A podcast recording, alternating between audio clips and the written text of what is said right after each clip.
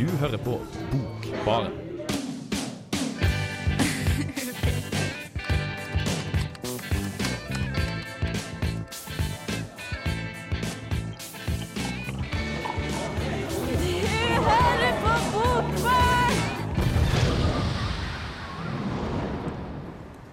Hei og hjertelig velkommen skal dere være, kjære lyttere, til denne sendingen av Radio Revolts litterære magasin Bokbarn.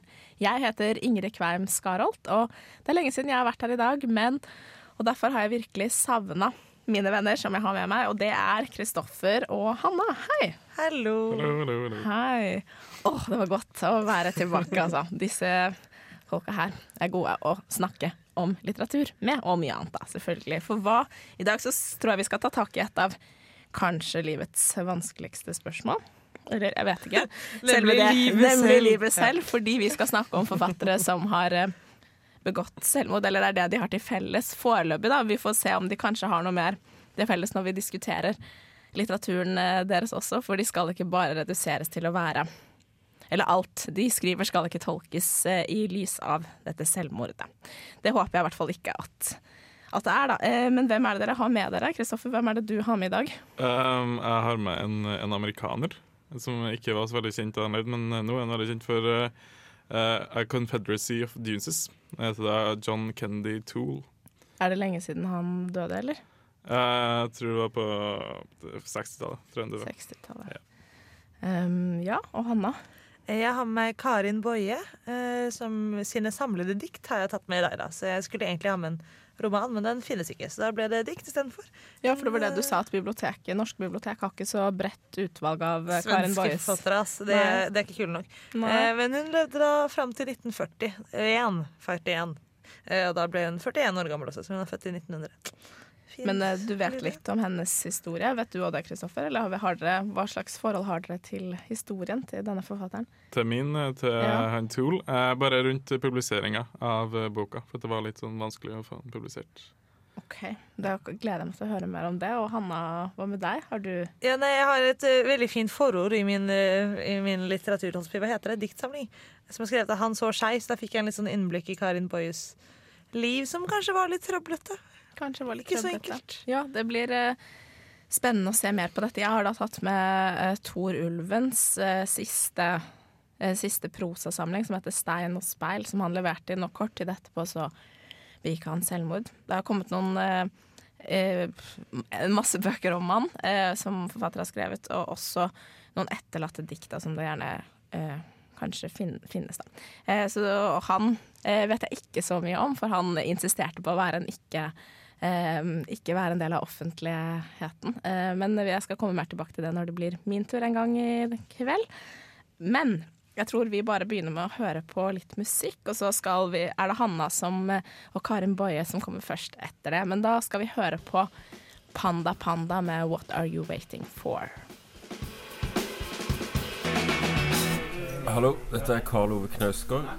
Hver gang jeg er i Trondheim, så hører jeg på Bokbaren. Et fantastisk, eh, fantastisk bokprogram. Ja, og velkommen tilbake til Bokbaren. Bokbarn. Knausgård var i Trondheim, og det var også det bandet som vi hørte på rett før, Panda Panda. Og der var det noen her i denne, denne, dette studio som har vært på konsert. Har du ikke det, Kristoffer? Uh, ja, jeg har vært her. Og også teknikeren vår, Yngvild Aas. Hun eh, nikker bra. Hva Det, var- det var fint. Ja, det var fint.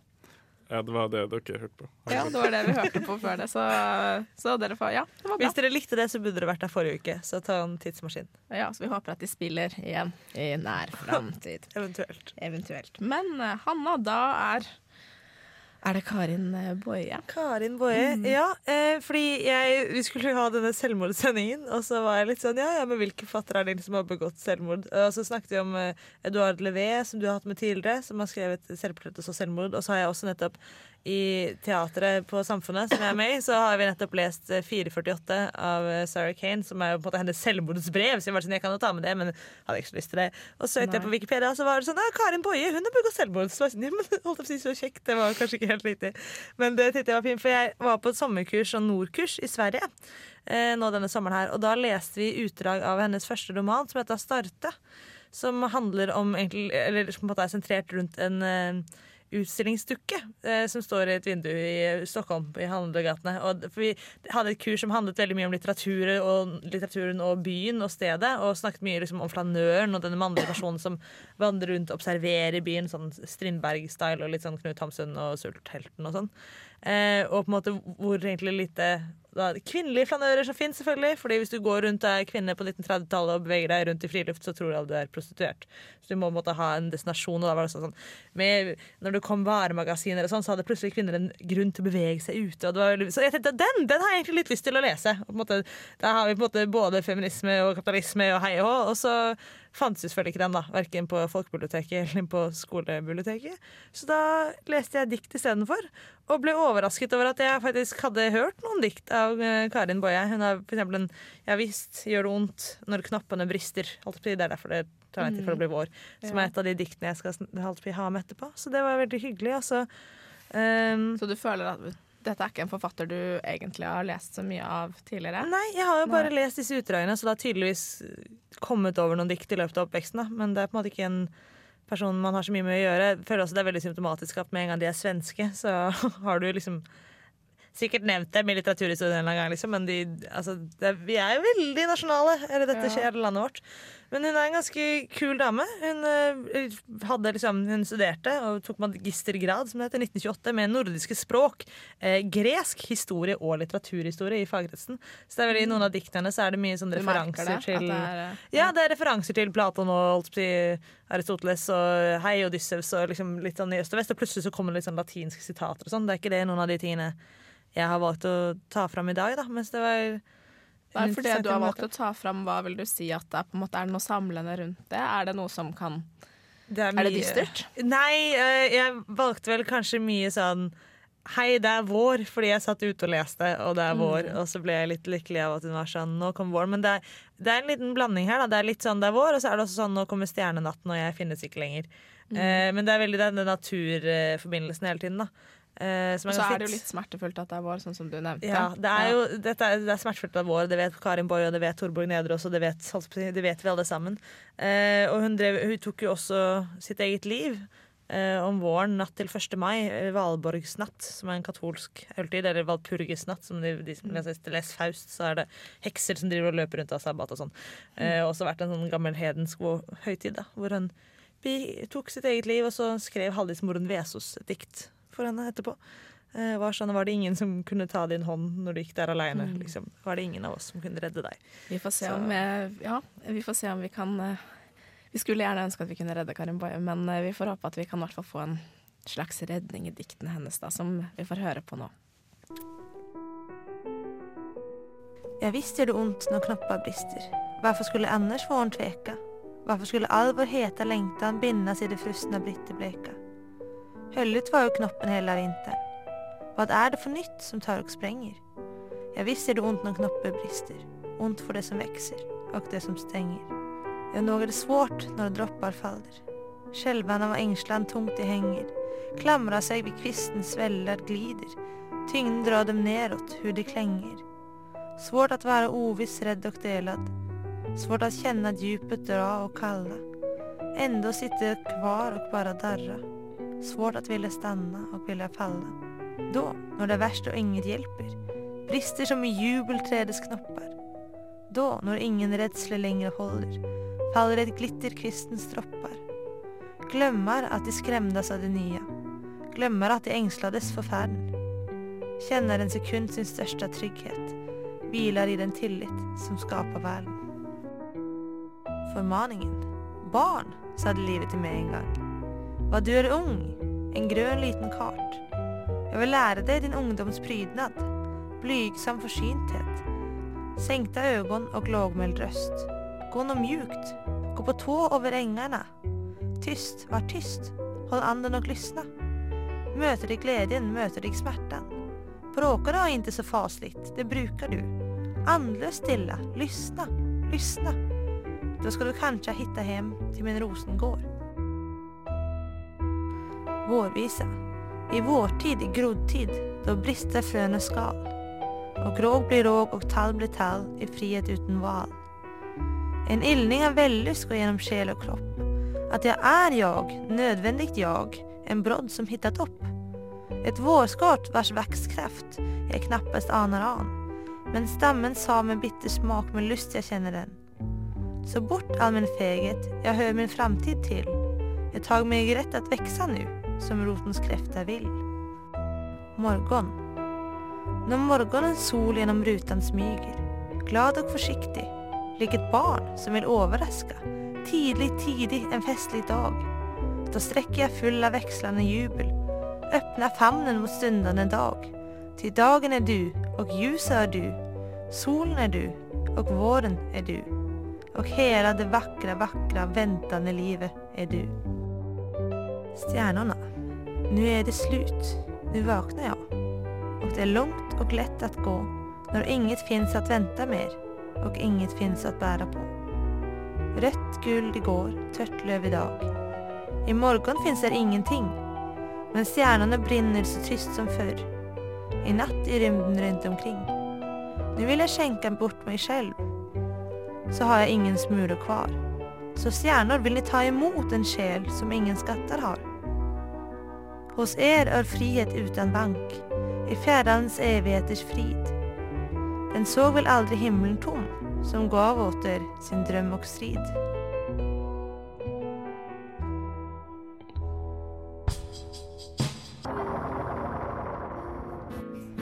Hei, hei. Eh, Dette er Vigdis Hjort. Jeg liker navnet på denne radiokanalen, Radio Revolt. Hør på magasinet Bokbarn. Det å sitte på bar og lese bok, det er ikke det verste. Nei, det håper vi at dere absolutt ikke synes at det er det verste. For velkommen i hvert fall tilbake igjen til oss i Bokbarn. Eh, nå har dere hørt på Jenny Wahl med The That Battle Is Over, men før det så var det faktisk den dama som vi skal komme tilbake til nå, Karin Boye. Hanna leste på svensk inn noen eh, dikt. Ja, det er alltid like fascinerende hvor du er sånn, ja, vi, vi, med, vi kan jo svensk og vi kan jo dansk, men ikke søren om jeg kan snakke det. Nei, jeg kan forstå hva liksom- dere sier, ja. men det blir sånn Nei, jeg taler ikke svensk! Åh, kul! Og så blir jeg, føler jeg meg så dum, men det var ingen andre som hadde lyst til å spille inn svensk, selvfølgelig. Så det, Nei, det er kanskje sånn skjer det. Men det er jo hyggelig, det. For det er, det er veldig gode dikt, syns Ja, jeg. og jeg syns det er fint på svensk. Jeg skal ikke si at det, kan, at det kan være dårlig i utgangspunktet, men jeg syns det er noe fint å det sven Svenske språket. ja. Ja, det var i hvert fall ikke svensk, men, men uh, Ekstra trivelig. Ja, ekstra trivelig. Men hva slags følelse får du av å lese disse diktene her, da? Nei, altså, det er jo veldig Dette var jo det jeg har lest. Jeg har samlede dikt, og jeg har på en måte skippa litt, så jeg har på en måte ikke lest alt. Jeg har kanskje mest lest de korteste diktene, må jeg innrømme. uh, og da er det jo veldig mye forskjellig. Som de har tatt ut nå, var veldig mye sånn naturen og liv og mye sånn sentrallyrisk. Og man på en måte blir veldig Jeg har blitt veldig mye glad, for det er veldig mye sånn våren, og dette er muligheten, og dette er livet. Men samtidig så er det også veldig mye sånn Men nå kommer døden. Uh, så hun har på en måte veldig den ambivalensen da, som på en måte jeg føler det er ganske typisk i lyrikken. At det er liksom Her er livet, men det gjør egentlig litt vondt at det er vår. Mm. og sånn hele tiden. Eh, er fin. Men så har hun også noen dikt som et som jeg ikke tok med, da, men som leverte, som er sånn stygg flikka. Hvor hun egentlig snakker om liksom sånn Jeg håper at du ikke alls har det bra. Og så er det liksom Det, det er på en måte det diktet handler om. At jeg, jeg håper at du ikke sånn- får sove i natt fordi jeg liker deg ikke. Ja. Uh, og det er litt deilig at hun er litt sånn Litt all over the place, da. Men det, det er jo disse på en måte veldig sånn rolig naturdiktning som, er- og som er på en måte den har blitt kjent for, da. Men så har hun veldig mye annet. Men det er litt deilig at hun kan sparke litt fra seg også, da. Ja, det er Og være litt sånn eh, ja, ikke alltid så gjennomtenkt. Ja, ikke, ikke så akademisk, på en måte. Nei, Det, var, det. Er jo hyggelig, det også, men jeg synes jo det, hun har jo mange sånn fine eh, observasjoner, som i et av de diktene som ble lest inn, så er det sånn å la meg leve riktig, og dø riktig også en gang. På en måte, det er veldig sånn fine, søte små observasjoner. Og så syntes jeg det var så deilig også bare å lese dikt. Jeg er litt glad de ikke hadde en roman, for det er veldig lenge siden jeg har satt meg ned og lest en ny diktbok. Eh, nå for tiden så leser jeg enten sånne diktbøker jeg har lest før, eller så leser jeg liksom dikt til forelesning, og da sitter du og leser sånn ett eller to dikt, og så skal du liksom skjønne det. Og, sånn. og det er bare på en måte få det inn i en sånn strøm, det var så utrolig behagelig. Så veldig sånn god følelse. Så dette er en anbefalelse. Ja, jeg Anbefaling synes heter det. Anbefaling, Anbefaling, altså livet, døden osv. Jeg synes Ja. absolutt det. Eh, og hun har mange sånn, fine observasjoner om livet og litt sånn ulykker. og Sånn. Hun var egentlig ganske religiøs, men så var hun også homofil, så dette ble, var litt vanskelig. Så hun på en måte gikk over fra at veldig sånn den, det sto i det forholdet at den første eksamen så er det veldig mye sånn der plikten overfor Gud, hva man skal gjøre riktig og sånn, og så på en måte går man stadig mer over til et livssyn mer, litt mer sånn eh, altomfattende Gud, liksom panteismefølelse, da. Så du merker at Eh, hun det forandrer seg en eh, del? Ja, og så den frustrasjonen på en måte med sånn Ja. Hei, jeg liker deg veldig godt, men dette kan vi på en måte ikke egentlig la Hun bodde jo sammen, eller giftet seg til og med, med en mann eh, før hun fant ut at dette alt Hun visste ganske tidlig, tror jeg, at hun var eh, homofil. Så da ble det slutt. Og så levde hun åpent sammen med sin tyske venninne på slutten av sitt liv, selv om det fortsatt var forbudt å være homofil i Sverige på slutten av 1930-tallet. Så Ja. hei hå for det. ja, men eh, hun gjorde i hvert fall noe, selv om det kanskje var veldig vanskelig. Ja, hun prøvde, altså det, Å leve livet det står i, denne, igjen en i dette forordet her, så, er sånn, så står det at man må ville livet. Eh, og det vinner man først når man er villig til å ofre alt, og det føler man man får gjennom Karin Boys forfatterskap. Eller Villig dikt. til å ofre alt, ja. Mm. Det, det er noe å tygge litt på mens dere hører på Beachheads Get Away.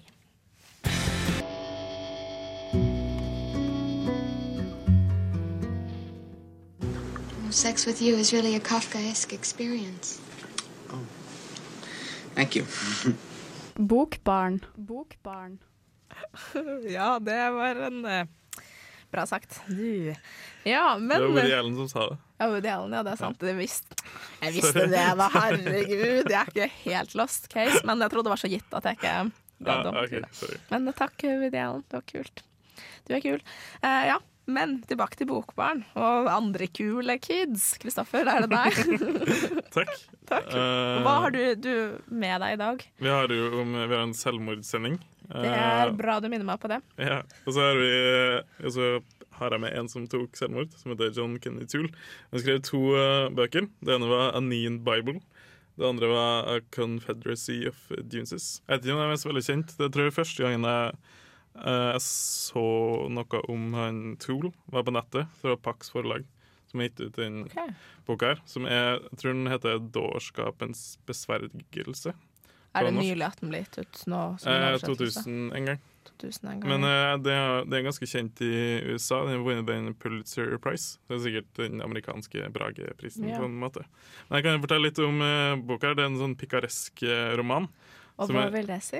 Det vil si at det er en uh, Den snakker om Mark Twain i boka, her, eller, og den mest kjente karakteren til Mark Twain, Huckleberry Finn. Mm. Som handler om en sånn liten gutt som uh, lever et liv i en sånn lav sosial klasse, og så er han, har han uh, levende med liksom uh, Hva er wit på norsk? Altså at han er liksom smart. Smart på sin egen sånn lure måte. Det er på en måte det her òg. Den prater jo om Mark Twain, og det er en karakter som er han eh, Ignatius eh, J. Riley. Han eh, har en master i engelsk, og så er han 30 år, og så bor han med mora si, og så tror han at han er verdens smarteste mann. Og så ser du litt sånn rundt karakteren at han er ikke så veldig smart. Så det er sånn flere lag med ironi. At han, at han er en sånn karakter, sånn som Don Quijote. Han karakteren som er syk og ligger på soveværelset sitt, og så leser masse sånn ridderromaner, og så går han ut og så fekter han med sånn vindmøller og sauer og sånn. På samme måte er han her, han tror liksom han er best, og så har han sånne småjobber der han liksom sitter og ikke gjør noe som helst, men så tror han at han liksom, liksom holder eh, liksom eh, eh, jobben i livet. Ok, ja, Men finner han ut av dette her? Eller blir det en tragisk oppdagelse av hvem han er? Eh, det er en slutt. En sånn tragisk slutt. En tragisk slutt, Ja, sånn som det ofte er. Ofte er det. Men han, eh, han det er flere måter det er ironi. At han, han går alltid på kino, og så sitter han egentlig bare og slenger dritt og kaster popkorn på lerretet. Så han ser eh, Det står ikke hvilke Men hvorfor gjør han det, da? Han syns det er hyggelig mot andre, liksom? Ja, for at eh, jeg tror det den liksom romanen prøver å kritisere, da, er at um, eh, sånne genier, som egentlig ikke er genier, men som er veldig sånn høykultur, og så klarer ikke de å se andre ting. Ok, Eh, Så det er viktig å sette pris på andre ting i livet enn bare det høykulturelle? Ja, og så kan det være en sånn eh, en kritisering av seg sjøl. Jeg vet ikke om dere har sett Louis, som er den TV-serien som Louis CK laga. Han laga først Lucky Louis, og så laga han en som heter Louis, som, er, er, som handler om Louis CK, han, han komi- komikeren. Eh, og så er han liksom de dårligste sidene. Han prøver å vise de dårligste sidene. Jeg tror det er det John Kennedy Toole har gjort med Confederacy of Dunces. Liksom prøvd å lage de dårligste sidene. For at han bodde også med mora, og han hadde master i engelsk. Og han var liksom en misforstått geni, og han bodde i New Orleans. Så Oi. jobba han på en sånn skobutikk, på en måte. Så det kan være enten det eller en kritikk av sånne misforståtte genier. Jeg gleder meg veldig til å høre mer om alt dette her, og humor så vet jeg vi skal komme litt tilbake til. Men uh, før vi hører mer, så skal vi høre på MI A med Can See Can Do. Jeg heter Anne B. Ragde og er forfatter. Og når man er forfatter, så hører man selvsagt på Bokbarn så ofte man har anledning. Ja, velkommen tilbake til eh, selvmordssendinga til Bokbarn. Uh, vi har ikke Det er litt forskjellig kanskje hvor alvorlig det vi har med oss eh, er. Kristoffer, du har snakket akkurat en del om humor i din, eh, det, det du har med deg. Jo, for at det, er jo, det er veldig mange som har skrevet bak boka, forskjellige sånn New York, eh, The New Republic og sånne ting. Og så står det bare komedie, komedie, komedie. The funniest book ever written. Og sånne ting.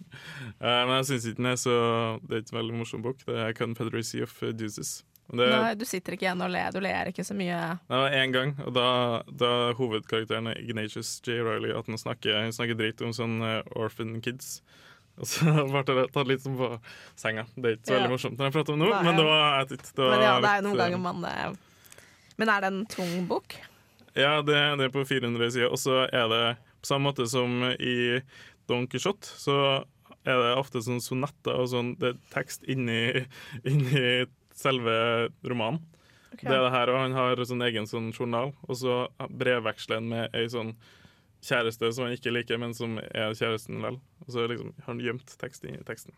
Tekst i teksten. Men han er en hater, sa du. Han er eh, Ja, for at han ser alltid ned på andre ting. Og så blir jo på en måte Leseren ser jo ned på han, for at det er jo veldig sånn opplagt at han Mm, at ikke han- har rett.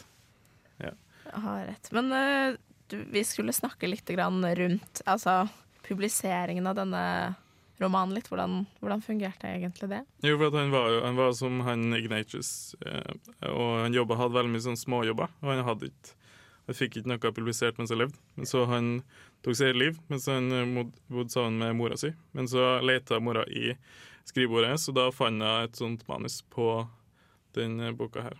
Og så tok det eh, elleve år. Så var det en forfatter som hun pusha veldig på, og så gidda hun egentlig å lese det, det manuset, men så tok han seg til det, og så leste han det, og så syntes han det var ganske bra. Og så har han fått, som jeg sa, Pulitzer Prize i ettertid. Ja, Det, det er jo fint at den har liksom fått eh, ja, oppmerksomhet. Ja, det er veldig Men, men vi snakket litt om sånn Du nevnte Robin Williams og hans eh, Apropos humor og litt avstand til eh, at Ja. man driver med litt andre ting enn selve det å ja, snakke, være så dyster og depressiv, da. Folk eh, tok jo veldig tak i det døden til Robin Williams, for det kom veldig sånn Det var ikke veldig mange som hadde forventa det. I hvert fall ikke at Han tok selvmord. Han var veldig mye ute med sånn kokain og sånn. Ja. Men han var en veldig sånn livlig person. Og han skrev jo en komedie, han John Kennedy Tool. Ja, så du har inntrykk av at han også var en litt sånn livlig person? Ja. Og jeg vet ikke om han livlig, kanskje han levde ut det livlige i den romanen her. Ja, samme, det samme han eh, Hemingway, som skrev uh, The Old Man and Sea, som handler liksom om å kjempe mot livet. Og liksom bare gå uh, din egen vei, og ikke tenk på det som skjer mot deg. Det som skjer med deg. Uh, bare ja, lev, og så tok han sitt eget liv, han òg. Så jeg, det er veldig mye På en måte Ja, stemmer ikke helt. Nei. Nei. Det er ikke så lett å alltid finne ut av det, og jeg syns også i min eh, roman som kommer etter, eller min uh, kortprosasamling som kommer etterpå, så vet jeg ikke helt om jeg egentlig fant helt eh, ut av det, men jeg prøvde. Og det skal dere få høre etter at dere har hørt på Det var altså da Tor Ulvens 'Stein og speil', eh, og den kommer etter 'This Is The Kit' med 'Bashed Out'. Eh, Ja, jeg heter Dag Solstad, og dere hører nå på Bokbaren, og der er altså jeg. Utstilling 1. Utkast til minnesmerket. Monumentet er et monument over sin egen glemsel, og får mening først når det ikke finnes noen som kan gi det mening. Det er steinen du holder i hånden, som du aldri når inn til. Bare speilet viser alltid riktig tid. Når steinen speiler seg, er det ikke av forfengelighet. Speilet røper alt, steinen ingenting. Som stein og speil er det du helst vil vite. Kort tid etter innleveringen av prosasamlingen Stein og speil valgte forfatteren Tor Ulven å avslutte sitt eget liv. Denne handlingen er langt fra like symbolsk som den franske forfatteren Edouard Levé, som leverte et romanprosjekt med tittel 'Selvmord om selvmordet til en venn'. Eller man kan spørre seg, for få dager senere valgte han selv å være hovedrollen. Likevel har Ulvens siste utgivelse, og forfatterskapet generelt, vært preget av og lest i lys av nettopp dette. Smerten ved å være til, den uendelige utslettelsen. Er dette en reduksjon av forståelseshorisonten? Bør og kan ulven forstås innenfor mange andre rammer? Det kan være interessant og nyttig å studere komposisjonen, som hovedsakelig er kortprosa, men også litt lengre tekster som kan være noveller. Overskriftene som forestilling, konsert, mellomspill, utstilling stiller sine forventninger. Men med utradisjonelt innhold utvider vi perspektivet. Når konsertene blir og jeg husker hvordan det var å ligge med hodet mot et bryst. Et kvinnebryst når sant skal sies. Å lytte. Det var det viktigste av hjertet som slo. Hvem har sagt at naturens musikk ikke er en konsert? Andre titler som film, kolon drømmescene, utfordrer vår forestillingsevne, lar dagdrømmene slå rot. Og vi kan lage en drømmeverden som et dataspill vi går inn i, eller kanskje bli filmregissører. Andre tekster er utforma som dialoger mellom henholdsvis X og Y. De er anonyme og kanskje universelle. Uansett overrasker det oss desto mer når de sier så absurde ting til hverandre. Forestilling 1. X. Jeg er helt utslitt. Y. Jeg også. Vi går og legger oss med en gang. X. Tenk om vi kunne ligge begravd i hverandre. Da ville vi være sammen for alltid, og aldri gjenoppstå til ensomheten inne i individet. Y. Du med dine evinnelige graver. Jeg kunne være gravid med deg, og når du ble født, ville du være uthvilt. Og så videre. Ulven er på lag med det tverrfaglige, og tør å angripe et spørsmål fra flere kanter. Det er historie, arkeologi, kunst, fysikk som prøver å forstå mennesket. Det er en slags humanisme i det, en tanke for alle, en kjærlighet. Utstilling 52. Landskap. På den ene siden postkassen. På den andre søppelkassen. En polaritet eller en komplementaritet. I den første legges det som skal inn i huset. I den andre det som skal ut. Postkassen ligner hukommelse, søppelkassen glemsel. Disse tingene som bare blir borte. Som dette skallet som har slått av kanten på glasset her. Jeg husker ikke når eller hvordan, eller at jeg kastet det, glasskåret. Jeg får aldri se det igjen. Som om jeg snakket om et menneske. Det kan virke som jeg har et sterkt behov, en trang til å trekke ut det positive, livslysten og håpet i samlinga. Det er tross alt mye destruktivt og negativt og pessimistisk innimellom linjene. Og jeg slåss mot ærligheten. For finnes det egentlig så mye godt der? Eller er det bare mitt ønske om å vinne over ulvens fiende for å endre hans beslutning? Mellomspill 23. Dogmatikk. Det umenneskelige er uferbarlig. Det vet alt og hjelper ingen. Det redder noen i blinde, for siden å tygge på dem en stund og spytte dem ut. Til slutt blir man absorbert av det umenneskeliges allmakt, for evig ikke-tid. Avslutningsvis vil jeg gå litt tilbake til tittelen. Stein og speil. Steinen har et indre det er umulig å gripe inn i, mens speilet viser alt. Det er lite jeg er sikker på med denne samlingen og Tor Ulven i seg selv. Forfatteren som gjorde sitt ytterste for en ikke-eksistens i det offentlige. Men i dette spørsmålet ville han nok vært en tålmodig stein. Nei, det umenneskelige er det tålmodige. Steinene, gravsteinen, er tålmodig, ikke gravfølge.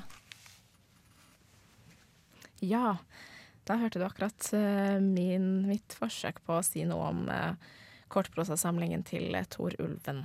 Stein og speil. Ja, du er altså i selvmordssendingen til Bokbarn. Så vi Det husker høres på så hyggelig ut. Ja, det høres ikke så um, hyggelig ut. Og jeg ble egentlig litt sånn ja, satt ut av den boka jeg leste, rett og slett. Ja, for det var ikke sånn som Kristoffers bok, som er nettopp med komedie, så holder man på en måte holder på depresjonen på avstand, og at man ikke merker noe til disse tendensene. Men det var faktisk litt tungt. Det var litt tungt, men, men som jeg sier i den saken min, så har jeg jo prøvd å fokusere på å finne det gode, da. Men jeg, jeg syns alltid det er litt vanskelig å gå inn i et sånt prosjekt når man på en måte Man blir, eller i hvert fall jeg automatisk, så blir jeg jo litt sånn at jeg leter etter å prøve å forstå, eller jeg tenker at han så skjønte noe som noen andre ikke skjønte, eller så på ting på en annen måte. Eh, og jeg syns det er litt ja, vanskelig, rett og slett. Men det er jo litt sånn i den bransjen, da. at Det er en del som, som ikke har hatt det helt bra, kanskje. Det er vel hans forfattermyten og litt Ja. melankolske, og som trekker seg tilbake fra verden. Og da er det kanskje plutselig ikke så lett å skjønne hvorfor man skal drive med det hele. Det er jo bare De melankolske er de som gjennomskuer verden, og det er vel det vi later som forfattere ofte gjør. Men uh, Jeg har hørt, jeg har hørt at uh, på Trygdekontoret, mitt favorittprogram, okay. Favorittprogram, så sa de at de som er mentalt uh, depressiv, er de eneste Eller hva heter det? Klinisk depressiv er de som ser verden ordentlig. De har ikke noe sånn de, ja, Så, så alt som er lykke, er egentlig bare et filter Ja, som vi legger foran foran det var verden. tull. Ja, det høres jo veldig oppløftende ut. Men uh, hvorfor begynte du å lese på dette oppløftende av Tor Ulven, egentlig? Um, egentlig så, ja, det er jo et navn man har hørt mange ganger, men den utløsende årsaken var kanskje egentlig det at uh, den gangen jeg så reprise, så syns jeg det var en utrolig Da er jo hele filmen i seg selv likte jeg veldig godt, men jeg er også veldig eh, Jeg ble veldig nysgjerrig på han forfatteren som er portrettert der, da. eh, som ikke er så opptatt av å være i søkelyset i mediene, holdt jeg på å si. Eh, og han er da liksom eh, skal være eller inspirert av Tor Ulven, da. Så da husker jeg at jeg hørte om det, og jeg ville på en måte så gjerne finne ut av han, fordi jeg ville være som de guttene i reprise, da, og finne ut av det. Men det tok noen år før jeg faktisk fikk begynt med det, da. Ja, for det er mye med å finne ut av verden. Du snakket om at Tor Ulven han, han må ha sett på verden på en sånn spesiell måte. At, at han bruker også mye fra f.eks. ditt fagfelt, som er fysikk, og sånn, eller begrep som man kjenner igjen da, fra Ja. andre steder av verden. Eh, Han er virkelig god på å angripe et eh, problem fra flere kanter, og han eh, Det er jo mye sånn arkeologi og historie han driver og utforsker på en måte eh, forskjellen litt mellom det menneskelige og tingene, på en måte. Eh, og, han Og det er jo mye sånn dystert om at uh, om det da egentlig, og hva vi er igjen nå til slutt. Når vi bare får absolutt ingenting som forsvinner ned i eh, jorda. Men, eh, men, eh, men likevel så er det liksom eh, måten han Altså det kommer noen sånne ganske destruktive og kjipe setninger en gang imellom, men så er det også noe med Jeg syns han er veldig god på å se det vakre i eh, verden, og spesielt sånn måten han beskrev forskjellige ting på Hvis man hadde hatt det blikket, da, så ville jeg trodd at man ville blitt en glimrende fysiker, for da ville man hatt virkelig en drivkraft på å forstå det gåtefulle og vakre i naturen. Uh, han bruker veldig mange ord som viser at han forstår mye, da, og det syns jeg er uh, veldig Ja, han har en respekt for naturen samtidig som det på en måte bare er ting, men jeg tror han også tror veldig på disse tingene, da. Mm. Det høres fint ut. Og han driver med det- dette stein-speil, holdt på å si, symbolikken. Hvordan er den? Uh, ja, eh, det er jo som eh, Du leste jo så fint inn for meg, men eh, speilet viser alt, og steinen viser ingenting. Steinen er på en måte et indre som du ikke kan eh, komme inn i. Og så, så jeg leste jeg Ja, jeg leste jeg mye av en Jeg syns steinen er jo ganske sånn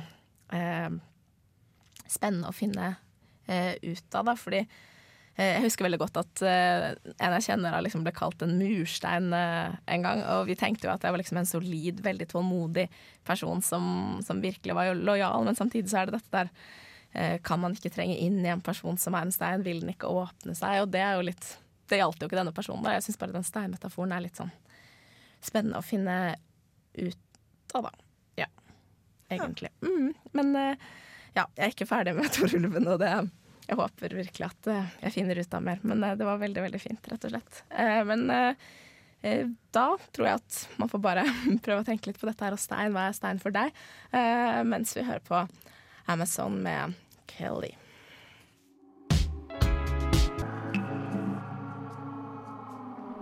Uh, hi, it's uh, Jakob Mensti, and you're listening to Book Baron at Radio World. Hei, det gjør du. Eh, da er vi egentlig Vi har hatt tema selvmord, både på en humoristisk og en dyster og en eh, fin måte, men vi har lært i hvert fall mye fint om livet, tror jeg. Og jeg tror egentlig at det er veldig rom for å lese det vi har lest i dag, selv og finne sine ting eh, der. Eh, for det er litt å trekke ut. Men vi kan bare si litt kort hva vi har hatt med oss. Kristoffer? Ja, jeg hadde med uh, 'Confederacy of Juices' av uh, ukjente John Kennedy Toole. Ja, vær så god. Ja.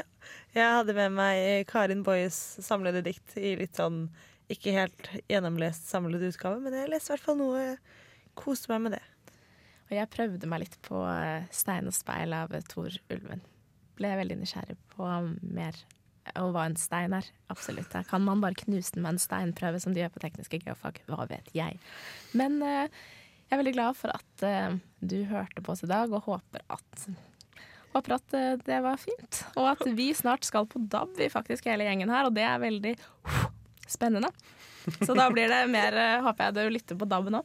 Eh, men jeg vil takke for meg. Jeg heter Ingrid Kvæm Skarholt. Hanne Malene Lindberg, Kristoffer Ervik og vår tekniker heter Ingvild Aas. Vi høres.